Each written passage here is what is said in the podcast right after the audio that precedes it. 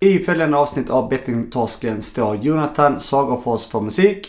Producerar gör Daniel Svärd och Joakim Frey.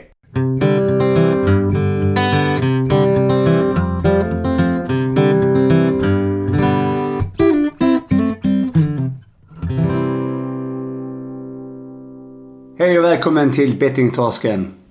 Tjena Daniel. Hej. Nu är vi tillbaka igen efter sommarlovet. Ja. Ja, hur känns det? Fan vad kul va? Hur känns det? Fan vad kul va? Det ledde inne till att du också ska tycka det är kul. Eller? Det är skit. Ledande fråga. Nej då, det känns ju fint det vet du. Fin sommar har det varit. Varför ljuger du? Det har varit en riktig skitsommar ju. Jag är, fan på ett, jag är på ett djupare plan än eh, vädret. Jaha, okej. Ja, Ja. Vad va, va, vad har du gjort då? Man måste operera på lite olika frekvenser här i livet. Jag har eh, varit på... Eh, ja, tagit det lugnt mestadels. Solat, Du har varit på kollo? Ser att jag är brun. Jag har varit på kollo som ledare. Mm. Det där missuppfattas ofta när man säger så. Jag har varit på kollo. Då tror folk att man har varit, eh, blivit ivägskickad av sina föräldrar. Men alla vi vet ju det. Det är lugnt. Håll dig undan. Ja, nej. Jag har varit på kollo. Ja. Vad har du gjort då? Ehm, Jag har eh, varit i Malmö en del. Varit i Göteborg. Ehm, Inte gjort så mycket egentligen. Haft lite besök här också. Från familj. Så vi har varit ute och eh, kollat lite på öarna här i Göteborg. Ehm, Inte gjort någonting egentligen. Tagit det jävligt lugnt. Mm. Vilat upp mig. Mm. Men berätta lite om eh, kollot. Vad fan, det vill jag höra. Var, Ja. var det kul? Ja, det är alltid kul. Det är eh, fjärde sommaren som jag är där. Mm, och det är ett kollo nere i Varberg. Utanför Varberg. Jag tror jag har pratat lite om det här innan va? Har jag gjort det? Jag tror vi pratade om det innan. Ja, exakt. Men du kan ju berätta lite vad ni gjorde där. Ja, just det. Det tror alla är intresserade av. Eh, mm. Nej, det går ut på att eh, aktivera de här eh, cirka 50 barnen som kommer dit med olika aktiviteter och lekar och tävlingar och få alla att eh, känna sig sedda och uppskattade och eh, ja, aktivera dem helt enkelt. Du var ju i en tidning, så på Facebook. Det är, Ja.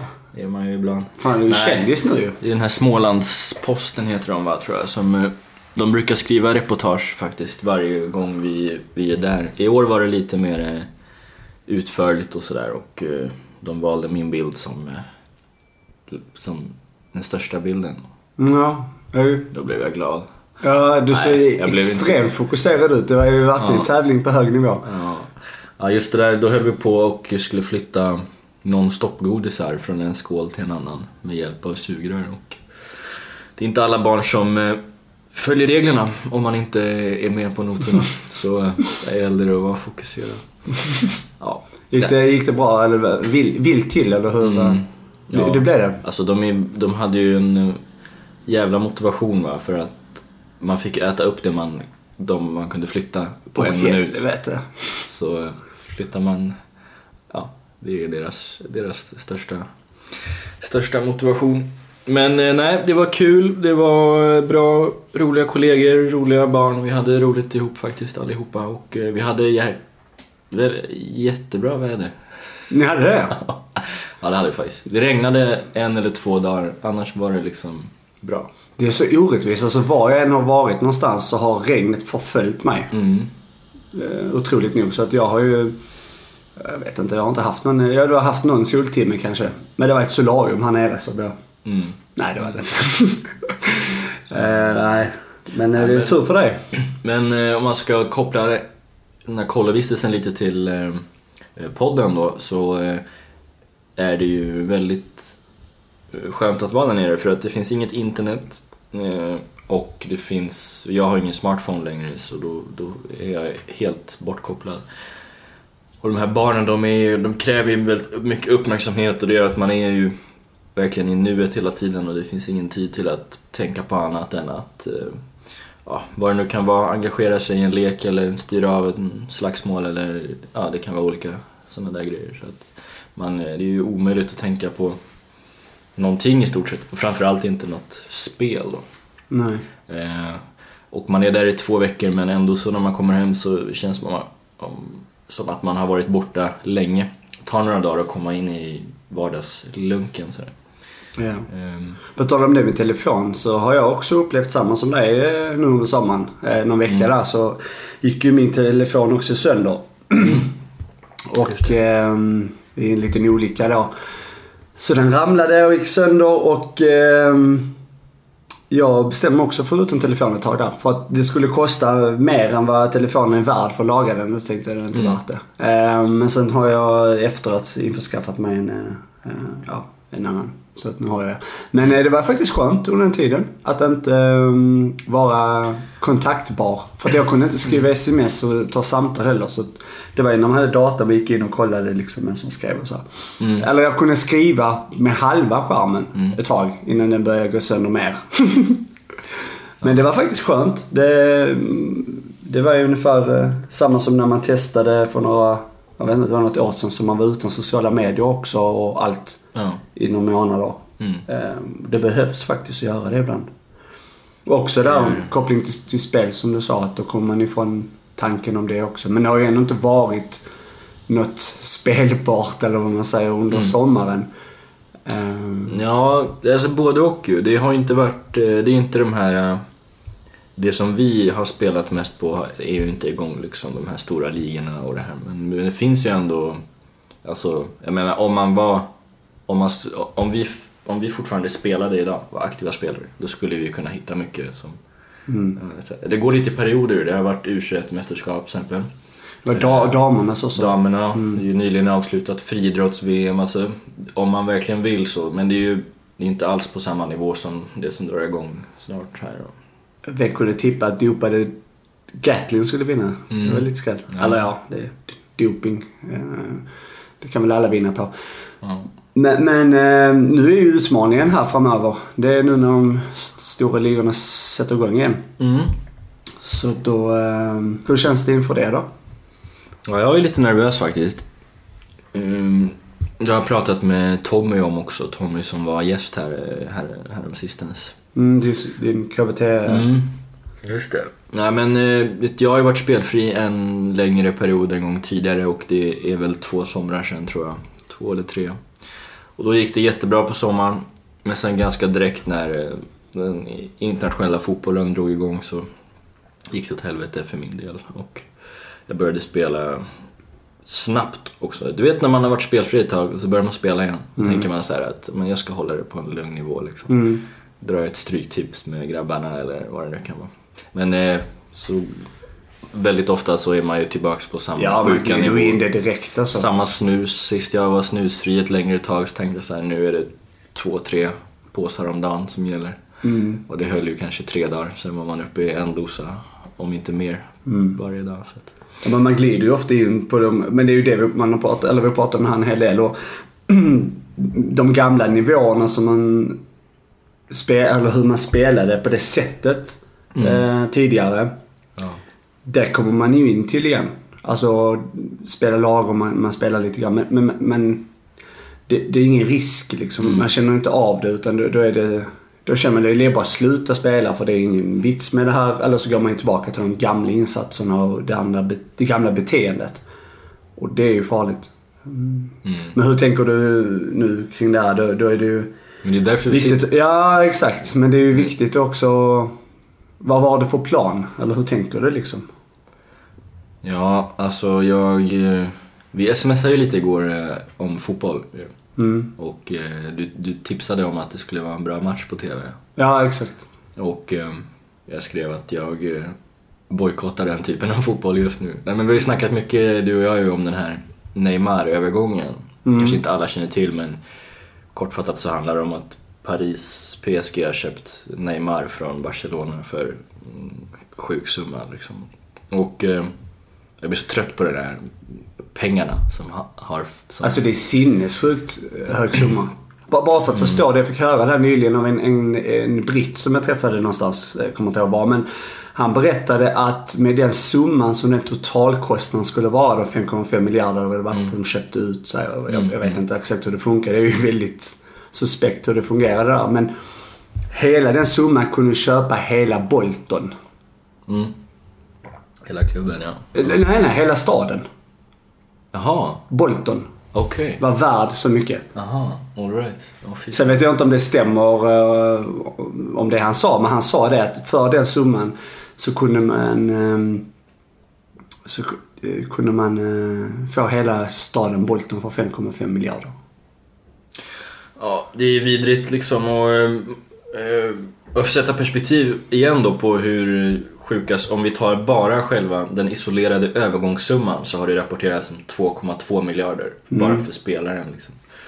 Och eh, i somras, nej förra året, förra sommaren så köptes ju Pogba av United och då var han världens dyraste hittills han kostade väl 1,1 tror jag. Mm. Så att det här är då dubbla. Ja. However så... Tänk vad jag hade kostat då. ja, ja. Eh, det vågar vi inte ens tänka på. nej. Uh, var var vi någonstans? Jo, jag blev så jävla äcklad av det här så nu tänkte jag så här, så länge jag orkar och kan så ska jag bojkotta den här skiten liksom. Och det tycker jag är svårt för det är mitt, eh, eller, och ditt också, stora intresse i livet liksom. Jag har haft stenkoll på internationell fotboll i 15 år, 20 år kanske, jag vet inte. Så det blir tufft men, ehm, men det i alla fall kanske jag, jag tror att någonstans undermedvetet så är det ett skydd också för att slippa tänka på spelaspekterna. Om jag har noll koll på fotbollen, så mycket som det går i alla fall, så eh, blir det också lättare att eh, ja, inte tänka på spel. Sen så är inte det något hållbart, alltså jag älskar ju fotboll, jag vet att jag kommer vilja kolla på fotboll i framtiden och man vill ju kunna göra det utan att tänka på spel. Men bara i alla fall nu i början, eh, och för att undvika den värsta chocken eller sådär, att utbudet finns där igen liksom. Ja, men... ehm, Är det något annat som du känner du vill eh, lyfta nu under under sommaren? Du har ändå haft, eh, vi har haft en månad som vi inte har alls egentligen, vi har ju inte diskuterat podd överhuvudtaget egentligen. Och, nej. och så här, ehm, är det någonting som du känner att du vill ta fram? Mm, nej, inte på rak arm sådär. Men jag skulle vilja höra eh, din eh, åsikt också om, eh, eller din känsla inför hösten. Ja, alltså min känsla, det här med plan som jag pratade med dig om. ehm, Det är ju samma det att jag kommer inte vara lika engagerad och kolla alla matcher som jag gjorde förr. Intresset för fotboll försvinner ju lite. Det blir ju mer att man tränar och spelar själv bara. Mm. Och kollar hur då sitt lag följer ehm, det svenska och engelska. Mm. Men ehm, nej, alltså, och sen är det väl att ständigt påminna sig att man eh, går um, till spelberoendeföreningar. och Så, och det är ganska intressant, det som hänt under sommaren här också, att ju, vi har ju haft kontakt ehm, eller pratat en del med, nej, med lite olika samarbeten och så här, för, för att vi ska kunna driva den här podden vidare och så här, framöver. Mm. Och eh, det är egentligen för att vi ska kunna nå ut till fler personer också. Ehm, Så High Stakes bland annat finns ett, ehm, en, ehm, också en spelberoende eh, förening kan man säga. Eller jag vet inte exakt. Men det är någon form av förening. De jobbar i alla fall med unga då. Ehm, Och ehm, I Malmö va? i Malmö. Så de kommer och de är ute och föreläser och de har jourer och telefon precis som stödlinje och annat. Och eh, då är det mest unga personer. Eh, och det är kul för de kommer också eh, prata om oss och, och så här. eh, Och vi kommer också ha en intervju sedan längre fram med, med en av dem som, som driver det. Ja, det är intressant. Sen har jag också hört av mig till olika eh, spelbolag faktiskt. Egentligen alla spelbolag som finns. Och det är för att alla spelbolag har ju ansvar för ansvarsfullt spelande ju. Mm. Det är ju krav. Och jag meddelade iväg för att eh, egentligen att de ska kunna mm, på något sätt, ja men egentligen tanken var att de ska kunna visa oss att vi finns och att, det liksom, att man kan hitta stöd genom oss och att man kan följa vår resa och våra gäster och lära sig och hantera det de som har spelproblem. Eller börja förstå att de har det. Och jag mejlar ju ut till allihopa och eh, än så länge har jag inte fått något svar av någon. Eh, och jag har väntat nu någon månad här. Eh, Eller ja, en och en halv blir det som jag mejlade iväg. Men ehm, ja, det är väl det som egentligen hänt under sommaren om man kollar spe, spelandet. Ehm, Och eh, framöver nu så kommer ju det kommer ju vara utmaning men då tänker jag att podden kommer att vara ett instrument för mig och um, spelberoendeföreningen att kunna gå dit fortfarande. Mm. Och sen inte egentligen vara inne och kolla så mycket på alla resultat och matcher och inför matcher och sånt som jag gjorde förr. Utan mer bara lunka på, Mm. tänker jag. Um, Det var en liten incident som hände nu faktiskt eh, för några veckor sedan. Då jag hade besök här från min familj. Så var vi på, på Liseberg, det är ju som tradition. Alla som kommer upp vill ju gå dit. Eh, Det är ju kul. Det har också blivit en tradition i den här podden att snacka om Liseberg. Jag vet. tror jag nämnde Men det är bara för det är så jävla skoj. Det är så festligt där. Det är det. Det är Göteborgs eh, dragplåster. Mm, vad hände?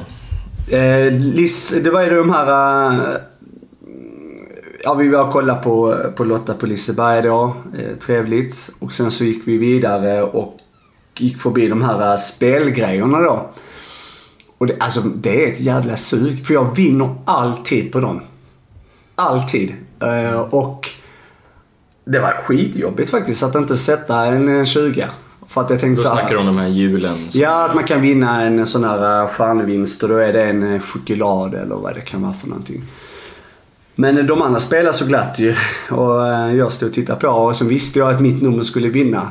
Ehm, Så att jag sa ju till de som spelade, men spela på det där för det, det kommer gå in. Och så gick det inte in. ehm, Men två tillfällen efteråt så kom de in och då spelade de personer på andra nummer. Så att eh, hade de spelat på mitt nummer så hade den gått in. Så jag hade vunnit där igen. Men, men, men det är bara sjukt att, eh, att där var verkligen ett riktigt sug och det är bara för att man vet att jag vinner ju alltid på det där. Ehm, men jag vet också vad det kan leda till så därför lät jag det vara. Mm. Klokt av dig. Ja. Sen har jag lärt mig en, en ny grej. Du, vad tyckte du om de här eh, daddelbollarna som eh, du käkade? Ska vi snacka om dem nu? Det tycker jag. Ja, jag, jag kan upprepa min recension som jag gav Ja. tidigare. Eh, tre, alltså 3,8 är betyget då, av 5. Ja, du sa ju då 4,9. Nu behöver du inte ljuga. Nej, det, Det var gjorde jag ju- absolut inte. Jag höjde Du mig sa från, ju, det var ju perfektion. Det enda höj- som saknades var ju... jag höjde mig från skulle bli varma. 3,5 till 3,8 för att vara schysst. Nej, det var jättegott. Eh, Det var det. Vi skulle ha låtit dem eh, ligga utanför kylen en liten stund till innan vi åt. Få en eh, mer smältande känsla i, i käften. och eh, pyttelite socker. Jag vet att det här är hälsobollar så jag, det är inte så att jag eh, har missat konceptet. Men, eh, och inte socker för att det ska smaka sött utan det sprider ju bara lite skön, skön smak då. Du är torsk, torsk på socker helt enkelt. Det Ja, det vill säga. det. Du har bytt ut det Men- mot socker istället. Ja, Nej, men de var goda. Bra initiativ. Jag ska prova att göra dem hemma Det rekommenderas. om ett halvår när jag eh, har lite pengar att köpa ingredienser. Ja, just det. Eh, kort om de daddelbollarna, jag vill bara berätta det. Det är Ja. eko, glutenfria, fina bollar eh, Mm. med dadlar i. Eh, lite snabbt eh, kokosolja, eko och kokosfrö. Eller vad heter de? Flingor. Mm. Och Müsli. sen är lite kaffe, Arvid Nordqvist, eh, eko och sen är det eko kakao. Det är mycket eko i det här alltså, det är fint. Sen dadlarna och ehm, och eh, ha, musli tror jag faktiskt. Mm. Egentligen ska det vara havregryn. Mm. Men ekomusli tror jag. Mm. Så mixar man ihop det, det blir riktigt jäkla fint. Så det har jag käkat hela sommaren faktiskt. Ehm, precis kommit igång med träningen igen. Bra! Så nu har jag träningsvärk i hela kroppen. Jag har inte tränat på en, en månad, lite mer. Så nu har jag tränat flera gånger den här veckan. Mycket fotboll och gym och, och så här. Jag så har nu ju tränings- inte kommit igång.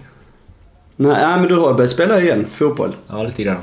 Men inte direkt kommit igång med någon träning. Nej. Det var i och för sig länge sedan. Det kan man skriva om man har så här supertips på hur, en, hur man som en lat eh, människa kommer igång med träningen.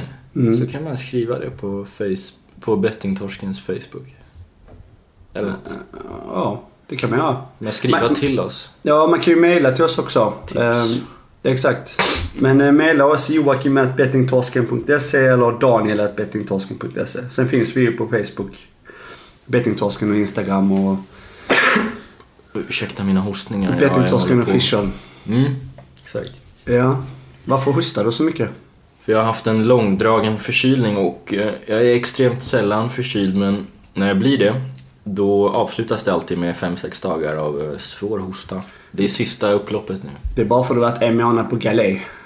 På galej. Festat utav Ja. helvete. Jag har sett dig i vimlet. Jag har bara gått förbi så ser jag dig dansa på bordet och så. Ja. Inne på klubbarna. Ja. men så är det. Mm. Ska vi... Vi måste ju ha välkomna in vår gäst. Ja. Vi har ju gäst eh, till detta avsnitt. Eh, Och det är inte någon mindre än Håkan Wall. Bra snubbe. Eh, Toppkille. Toppkille. Psykolog, doktorand. Han forskar på spel. Har varit med och startat stödlinjen.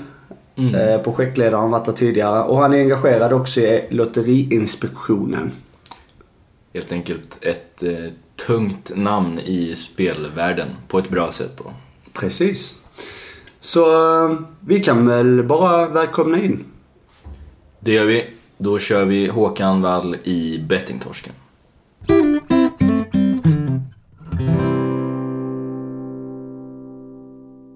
Hej och eh, välkomna till eh, Bettingtorsken. Välkommen Håkan. Tack. Välkommen Jocke. Tack. Tjena. Allt bra? Det är bara bra. Mm.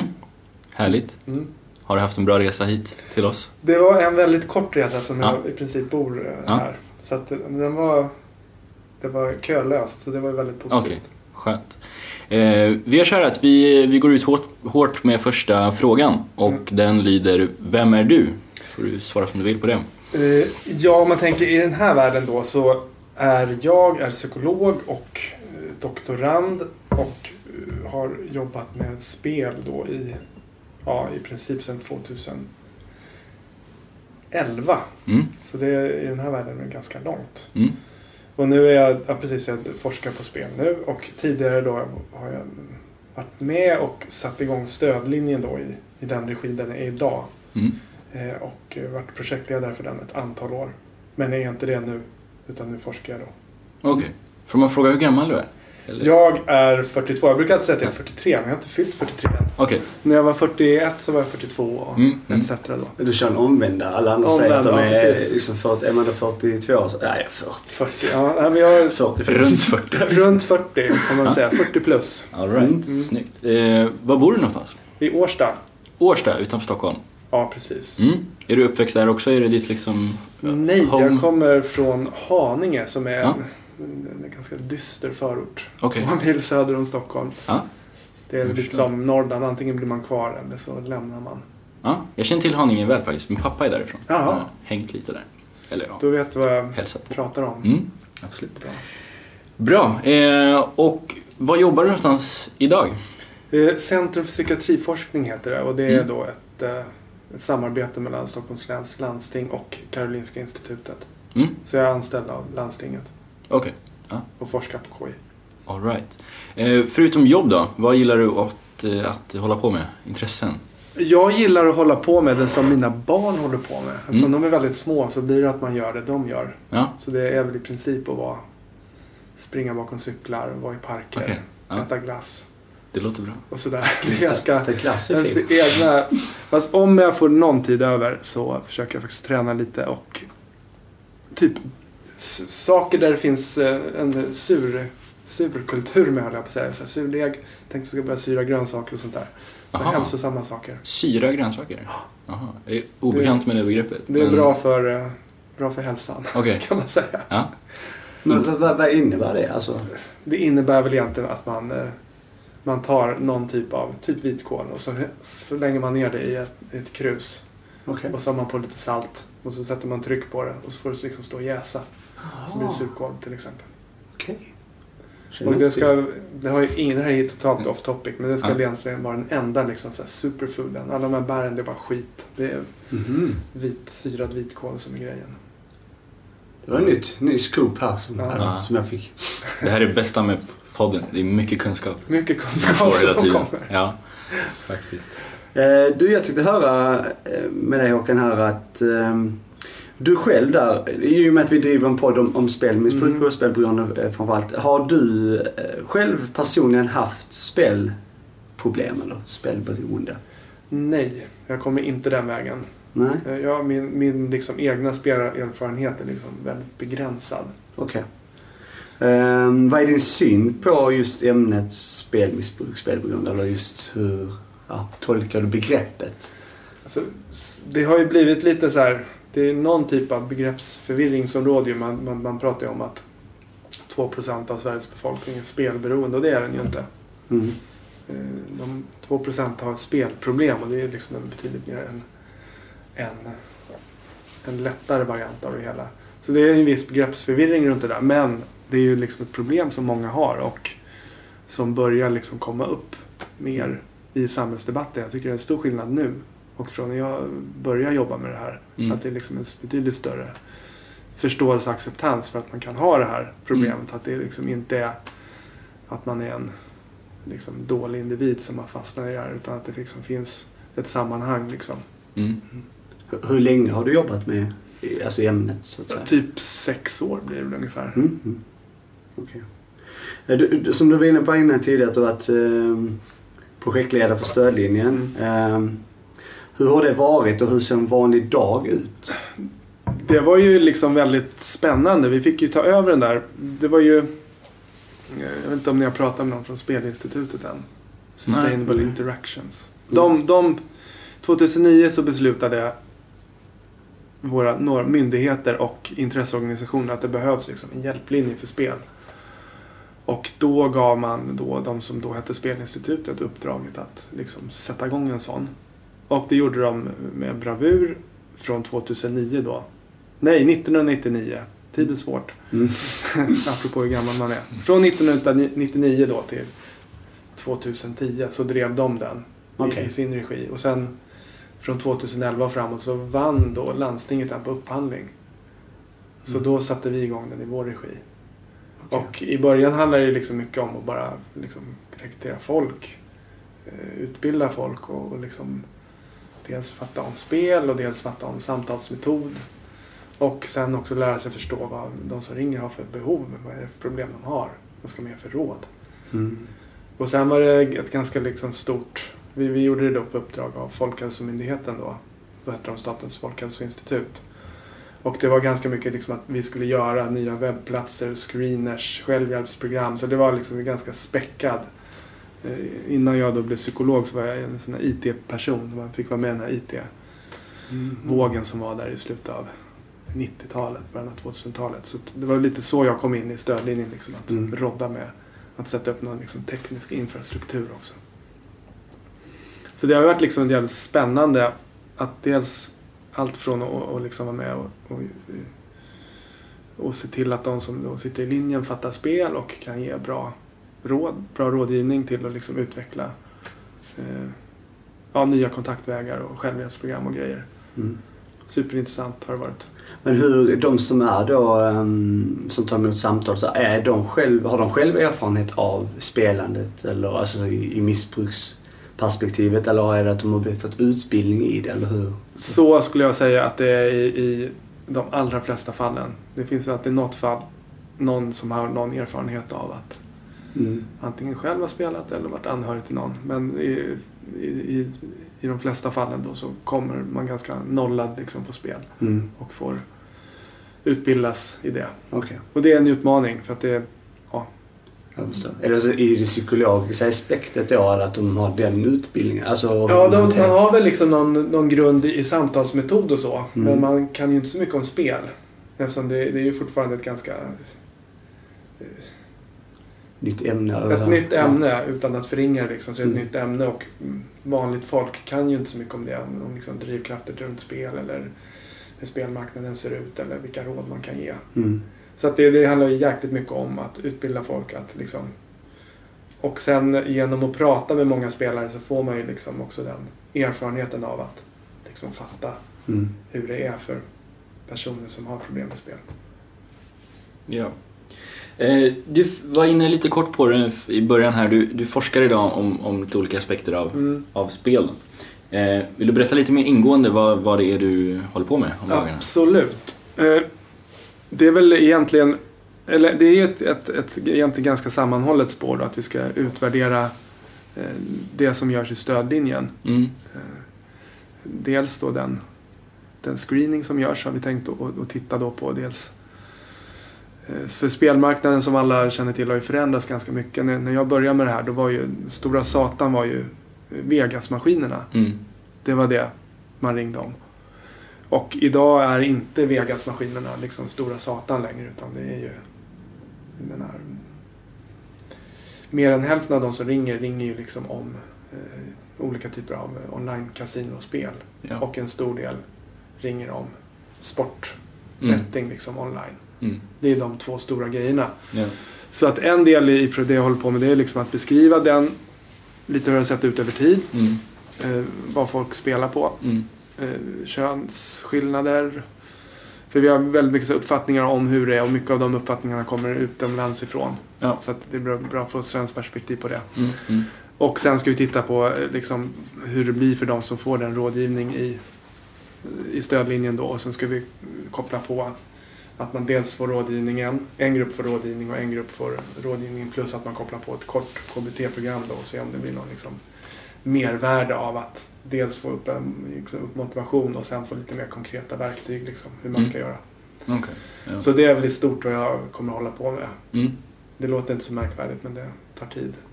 Ja, men det är helt säkert ett otroligt viktigt jobb. Eh, Jag, jag, jag själv har spelat nästan uteslutande på sportspel då. Mm. Men jag har ju märkt när man går till olika föreningar och liknande att det är just nätkasino som är, Mhm. är den stora, eh, stora boven, eller där de flesta har problem. Just det. Eh, men det- har du spelat mycket på nätkasino? Mm, ja, ja, det, det har varit typ roulette och sånt några gånger men inte så mycket de här slottsmaskinerna som man pratar om. Eh, Det har jag inte. Men, men jag vet ju det, vi har haft gäster som, som pra- pratat om det tidigare också. Men, men om att man kanske då är duktig i, i kanske då poker till exempelvis. Eh, För att vissa betraktar ju det som ett skill game då. Mm. Ehm, Men att då många av de här pokersinorna så inkluderar nätkasinot. Och där faller de också i, i fällan så att säga. Ehm, och det är ju ett stort problem för dem är ju med att de betraktar det som en sport. Just det. Så, så är det ju eh, lite fult gjort kanske Mhm. av dem då. Men man märker det, de har ju fått en genom, väldigt stor genomslag, nätkasinon, med att alltid pumpa ut det. Så att, eh, man förstår ju att det är väldigt lätt att kunna fastna i, i det där. Ehm, men jag själv har inte den... Jag spelade mycket på de här Vegas-maskinerna när man Ja. var yngre då. Ehm, men inte så mycket på, på nätet. Nej. Det känns som att de försvinner mer och mer också, i, här i Sverige i alla fall. Det har blivit, faktiskt blivit färre, Mm. färre Mm. sådana. Det får ju vara max 7000 utställda och Okej. det sjunker ju. Mm. De utställda. Så att det är väl en... Fast det, den trenden är ju över, om man ska kolla hela Euro- Europa då, det är en trend att de, de går ju ner liksom. Mm. Nu är det väldigt olika olika länder. Till, till, och med, till exempel Finland då, de har ju Mm. hur mycket maskiner som helst. Det är ju en maskin, var den går så står det en sån här maskin. Mm. Jag tänkte precis eh, säga, vi hade ju en gäst eh, tidigare här från, eh, från Åland då. Ja. mycket Finland och eh, ja, han berättade precis det här att eh, minsta kiosk liksom, Ja, de så har- finns det. Så i Sverige är det ju, man kan tycka vad man vill om att eh, det är väl inte lämpligt egentligen att ha maskiner stå i en alkoholmiljö. Det, Mm. det är det ju inte. Men alla, alla personer idag som springer omkring med en eh, mer avancerad smartphones, för det blir ju smartare och smartare med Mm. de här. De har ju ett vandrande Jack Vegas-maskin. Ja, som har mycket högre insatser, Ja. mycket snabbare, mycket mer. Ja visst, det är mycket mer Ja precis, det går ju till och med snabbare. potent maskin liksom. Ja, ja det går ju snabbare pengar, överföra pengarna in i den Ja, appen än att stoppa in en hundring i den maskinen. visst. Så nej, men i det Ja. perspektivet kan man ju nästan se då Vegas-maskinerna som är liksom nästan en skyddande grej. Mm. Jämfört med att sitta i, i telefonen. Ja men faktiskt, det är ju i alla fall mer krav. Man måste ha Ja, spelkort och det är vissa nivåer man kan inte överföra. Man kan inte ta ut mer vinst. Ja, och. Ja. Så Från, det- jag från trodde- jag trodde- satan till... Ja, jag trodde, ja, men jag trodde aldrig jag skulle... Jag satt just och tänkte att jag skulle säga att liksom att Vegas var något, nu jag säger inte att Vegas är någonting bra men Nej. att i jämförelse med, med att sitta på sin telefon så tror jag att det är betydligt liksom, mer riskfullt att sitta i telefonen. Ja, det är mer kontroll också. Att du sitter ju där bland andra Mm. människor eh, framför en maskin till exempelvis. Och, Ja. ja. Eh, Jag ska bara fråga, du nämnde snabbt eh, KBT där i förbifarten. Mhm. Är det någonting du själv har jobbat med just som alltså, att behandla folk genom KBT? Ja. Det har jag gjort. Ja. Det är sån psykolog jag är utbildad liksom. Och jobbat med öppenvård för Mm, personer med spelproblem också under en period. ja. All right. Jag är lite intresserad av det för jag går själv just nu en, Aha. en sån. Då, så det är bra. Det är bra. Ja. Ja. ja men verkligen, det är, det kan alltså, Jag har upplevt lite när man, man väl sitter där och är inne i behandlingen på ett möte eller så här, Mm. Då kan det kännas lite, lite löjligt sådär, eller inte löjligt men ja, som att man är tillbaks i skolan i de yngre åren liksom, skriva upp tre saker du Ja, inte vill, gillar. Ja, det är Ja, ja, ja. Men sen så har jag ändå märkt med tiden att det, det funkar. Liksom. Ehm, Så det är kanon. Eh, Du sitter ju i styrelsen idag för Lotteriinspektionen, eller hur? Det stämmer. Och då har vi dragit ut här från er hemsida och det står så här att eh, ni arbetar för en sund och säker spelmarknad. Just det. Hur gör ni det undrar vi då? Ja, det kan man när vi sitter och pratar om alla. Då, då ska man vara noga med att den marknad man då tänker på, det är ju den reglerade marknaden. Ja, exakt. Eh, Och den marknaden, det, det sunda och säkra är väl främst att man kan vara som då konsument säker på att spelet liksom går schysst till. Mm. Att det är riktiga dragningar, att det finns riktiga vinster Ja. och att eh, bolagen liksom följer det regelverk som finns. Mm. Sen eh, om, om, det, om, om liksom myndigheten verkar för att färre ska få spelproblem. Det, det är väl liksom någonting vi håller på och utvecklar. Mm. Det, det finns ju sociala föreskrifter som liksom eh, reglerar hur, hur bolagen ska med marknadsföring, hur de måste, eh, alltså utbildning av personal, att de måste kunna något om spelproblem, hänvisa till stödlinjen och så. Men det är väl i, direkt inga krav idag på att, eh, att bolagen ska, om de till exempel upptäcker att någon spelar, man kan tänka sig spela på ett osunt sätt, att man ska intervenera mot dem. Mm. Men det tänker jag är något som kommer jobbas mot framöver. Ja. Till exempel så, apropå Vegas-maskiner då, så kommer det komma nya maskiner här framöver. Mm. Och då kommer vi koppla på också spelansvars, liksom krav på spelansvarsåtgärder i dem. Okej. Så att det är liksom, det är ett pågående arbete. Så att de som har maskinen hos sig ska vara lite grann utbildade? Ja, det, fall det, det kravet finns redan men det kommer väl också, jag vet inte riktigt hur det kommer se ut men det kommer byggas in i själva maskinen mer spelansvarsåtgärder Mm. också. Ja. Det är jag lite nyfiken på, men eller just det, hur det är utformat. Liksom. Det får vi se, det, det ska komma något förslag på Okej, det i ja. höst. Mm. Men när vi i styrelsen, vi, vi styr liksom inte det dagliga arbetet. Det är Nej. jättemycket liksom fördelat på hur myndigheten jobbar. Vi ses ju tio gånger om året och har liksom ett underlag som vi tar ställning till och tar vissa beslut då. Mm. Så jag har ju kanske inte liksom full koll på det Nej. dagliga arbetet i myndigheten. Okej. Eh, jag tänkte på det här eh, att det, det är ju en, eh, det är en ny lag här nu som kommer att träda i kraft den 1 januari 2018. Eh, som beslutas här för, för några veckor sedan. Och, eh, det är alltså eh, spelmissbruk då kommer att skrivas in i socialtjänstlagen, alltså spel om pengar. Mhm. Eh, socialtjänstlagen och hälso och sjukvårdslagen har skrivits in som, som en lag. Vad tycker du om, om den lagen? Det tycker jag är jättebra att man gör. Den här har varit en diskussion. Det är, liksom, det är inte första utredningen där och det har varit liksom mycket besvikelse genom åren av att, om att man inte gör någonting. Utan att man inte likställer spel om pengar då med annat missbruk. Och det är jättebra att man gör det. Det är liksom ett superstort steg framåt. Jätteviktigt. Och samtidigt blir det en jätteutmaning för eh, då kommunerna och landstingen att jobba upp en kompetens så att man kan ta emot de här Mm. personerna som... Då beräknar man att ungefär att det är väl runt 25 000 kanske som skulle kunna vara i behov av vård Mm. i Sverige ungefär. Mm. Eh, Och att hur man då ska nå de här människorna. Och Om man tänker stödlinjen då så är det väl ungefär Säg att runt Det beror på hur man ska räkna. Men det vill säga runt 3000 spelare på något sätt är i kontakt med stödlinjen Mm. årligen. Eh, Det, det är drygt, om man tänker att det sa jag, 25 000, det är drygt, det är lite mer än 10 procent, 15 procent ungefär. Mm. Som då väljer att ta kontakt med stödlinjen som ändå är väldigt liksom, lätt att hitta. Mm. Mm. Så det blir en väldig utmaning liksom att, att nå ut till de som eh, har problem. Och att även att man oavsett om man kommer till skuld och budget och skuldrådgivning eller om man kommer till sin vårdcentral så måste det liksom finnas vägar in i det här. Mm. Och det tror jag blir och så måste det finnas någon kompetent människa att prata med då. Mm. Som, som liksom förstår sig på spel och behandling av spel. Så där har eh, kommunerna och landstingen en jätteutmaning Mm. Ja. skulle jag säga. Eh, Jag vill bara gå, gå tillbaka lite grann till eh, Lotteriinspektionen. Mm. Du sa att ni jobbar ju med den reglerade marknaden, Mhm. eller ja, monopolet då kan man väl säga. Ja, och, och de här lotterierna och Ja. eh, de andra liksom ideella. Precis. Det, det kommer bli en stor förändring för er också nu då, antar jag, i och med att de bolagen som idag sitter utomlands är eventuellt på väg. Ja, det kommer bli Hit. en jätteförändring för myndigheten. Ja, Absolut. Och eh, det håller man ju liksom på att ta höjd för redan nu med att man liksom planerar för alltså kompetensutveckla. Det kommer bli en helt annan typ av tillsyn. mm, Eh, men nu är det liksom väldigt mycket fysiska lotterier. Det är, det är lite så här... Ja, men det, det kommer bli en helt annan marknad, helt Mm. andra krav. Och eh, det håller man liksom på som bäst och förbereder sig för. mm.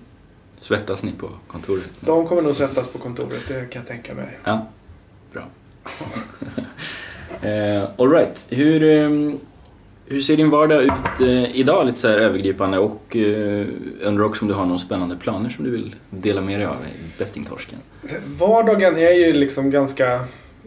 Jag tycker den är jätte- jätterolig men om någon liksom skulle, om jag skulle ta med ett barn till kontoret så skulle ju det barnet skulle ju liksom få krupp efter så här tio minuter ungefär. Ja, Eh, Men alltså, man läser mycket, jag läser mycket liksom forskningsartiklar. mm, Eh, Man liksom planerar det man ska göra, skriver ganska mycket. Ja. Pratar med kollegor.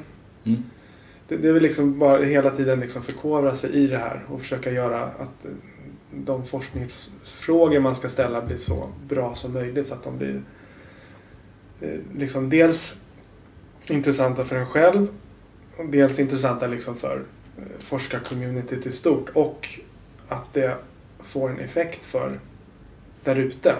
Mm, Att det inte bara blir någonting man själv sitter och pysslar med på sin kammare mm, och så lyckas man publicera sitt arbete men ingen bryr sig liksom. Det, så man vill väl också att det ska få någon typ av impact. ja, såklart. Ja. Eh, jag måste bara skjuta in en annan fråga som jag har tänkt på nu en Mm. stund. Eh, jag har jobbat med, med spel länge, sex år ungefär. Mm. Har det, har det någon gång under de här sex åren eh, eh, liksom väckt, väckts någon tanke hos dig att, eh, att eh, eller ja, har du haft spelsug helt enkelt någon gång? Har det varit så? För i och med att det är en så stor del av din vardag då. Mm. Man tittar på det på ett annat sätt. Nej, jag har... Jag verkar inte vara en av de personerna som har liksom fallenhet för spel. Jag har spelat en del. Jag har spelat på kasino, jag har spelat på hästar. Och det får inte igång mig bara. Mm. Så är det med den saken. Och jag är väl liksom också... Jag vet inte om man kan säga att man är för snål. Kan man säga så? Ja, jo, det kan man säga. Jag har liksom värdet av pengar. Jag, när jag var liksom en väldigt ung man, då var det 90-talskrisen. Jag fann inte en krona. Vi har liksom varit med om den, att, den delen när det, liksom, det inte fanns några pengar. Och det fanns inga jobb, det fanns inga pengar. Och det har väl präglat på något sätt. Så att jag, är, jag är alldeles för rädd om mina pengar. Och jag vet också att hur jag än gör med spel så kommer jag förlora i längden. Mm. Det är, helt- det är upplägget. Det är, det är ett briljant upplägg och Ja. det är så det funkar. Mm. Och jag har full förståelse för de som liksom kan fastna i det och jag har full förståelse för de som gör det för att det är liksom kul och spännande. Mm. Men jag har inte... Jag har inte... Jag har, jag har verkligen inte fallenhet för det. Jag tänkte bara höra en, en, en sak här bara. Eh, Din personliga åsikt. Vad tycker du om de utländska bolagen, spelbolagen och att de då ska verka eventuellt här på den svenska marknaden med licenser och så här? Är det bättre med licenser då att de gör som de gör idag? Alltså jag tror att det, det är alternativ, om man tittar på de två alternativen då, antingen då en licensmarknad eller som det är idag. Som det är idag är liksom inte bra Mm. för någon. Och jag tror väl att det kommer att bli bättre med en licensmarknad. Då kan man ju liksom ställa andra krav på dem. Mm. Och i den här utredningen som gjordes så är det ju ganska långtgående krav man kommer ställa. Mm. Och man kommer liksom ha möjligheten att revidera dem hela tiden. Så jag menar i, i en värld där det finns spel och de här spelformerna finns så tror jag att det är liksom en bättre lösning att ha den än att ha det här totalt okontrollerade som är idag. Och vad är din syn på marknads, alltså reklamen som är idag till exempel? Det kan väl ingen tycka om? Mm. Nej. Nej, Nej, jag, jag uppskattar Vi älskar den. Nej. Nej, jag älskar det. Men jag, jag kan, alltså för mig, jag blir ju då när jag jobbar med det här, jag blir mest liksom bara förundrad och lite ibland irriterad över, jag tycker att man liksom ljuger. Men jag kan tänka mig om man, om man eller den, den, ni pratade med Per Binde om spelreklam en del antar jag. Mm. Men att om man är i processen att man ska sluta spela och man blir påmind om det här och kanske blir kontaktad att man ska liksom spela igen. Då tänker man det är väldigt, väldigt irriterande. Och Mm. liksom kan få folk att ja, kanske börja spela igen fast man inte hade tänkt sig det. Du, fick ju, du har ju ett bra exempel på det. Bli Ja, det har tagit upp några gånger.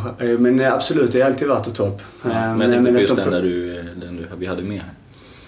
Ja, att, eh, att de ringer och påminner en. Ja. Ja, exakt. Att de smsade först och sen så ringer de upp efteråt för att de vill gärna att man ska spela Mm. igen. Men det är ju, det är ju genom, det har man ju märkt på många man har träffat. De har, det, det dyker upp överallt. Det är Ja. ju alltid så det fungerar. Har man väl satt sin fot i ett spelbolag, eh, framförallt utländska då. Sen får man ju också från det statliga hållet, man får ju sån här eh, påminnelse om förlängning av lottorad och lite lite. Så det är ju inte bara utländskt utan det är ju faktiskt eh, eh, men det är ju absolut mer de utländska spelbolagen som är på aktivt. Mm. Har du väl kommit in där inne i deras näste så Ja, vill de gärna att du har ska komma tillbaka. Jag antar en väldigt professionell organisation för att liksom eh, sina customer relations där. Mm. Kan jag tänka mig. Ja, Ja. det är klart. Och det, det är ju... ehm, Man blir inte så här bedrövad man tänker på det. Det är egentligen ett självklart faktum men att de lever på, på, dem, på oss som är beroende. Mhm. Alltså så här, de skulle aldrig klara sig annars. Nej. Eller kanske skulle gå plus minus noll eller någonting. Så att, eh, De som jobbar med det där, de borde ju vara väldigt eftertraktade från vanliga företag, tänker jag. ja.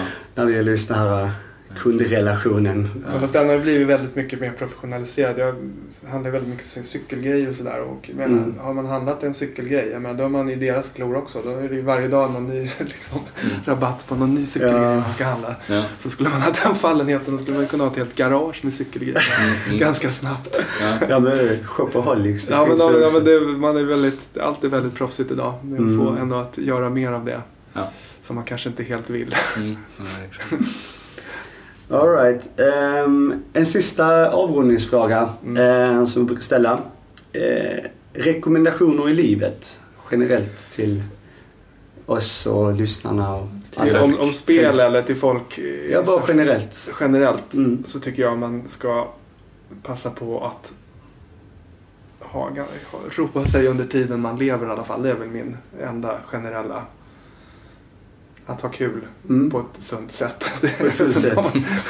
Hur har man kul tänkte jag säga. kul på ett sunt sätt Ja. ja men det är gött. tycker jag man ska ha. Vi ska ha kul allihopa. Kul på ett Utan att satsa pengar. ja exakt. Det är det som är Och gör man det ska man väl eh, vara med på vad det innebär liksom. Mm. Ja, verkligen. Bra. Yes. Eh, Då får vi bara säga tack så mycket för att du ville komma förbi. Det Och är vi kul att, glada för. att, eh, att jag blev inbjuden. Det var jätteroligt. Ja, Tack så mycket.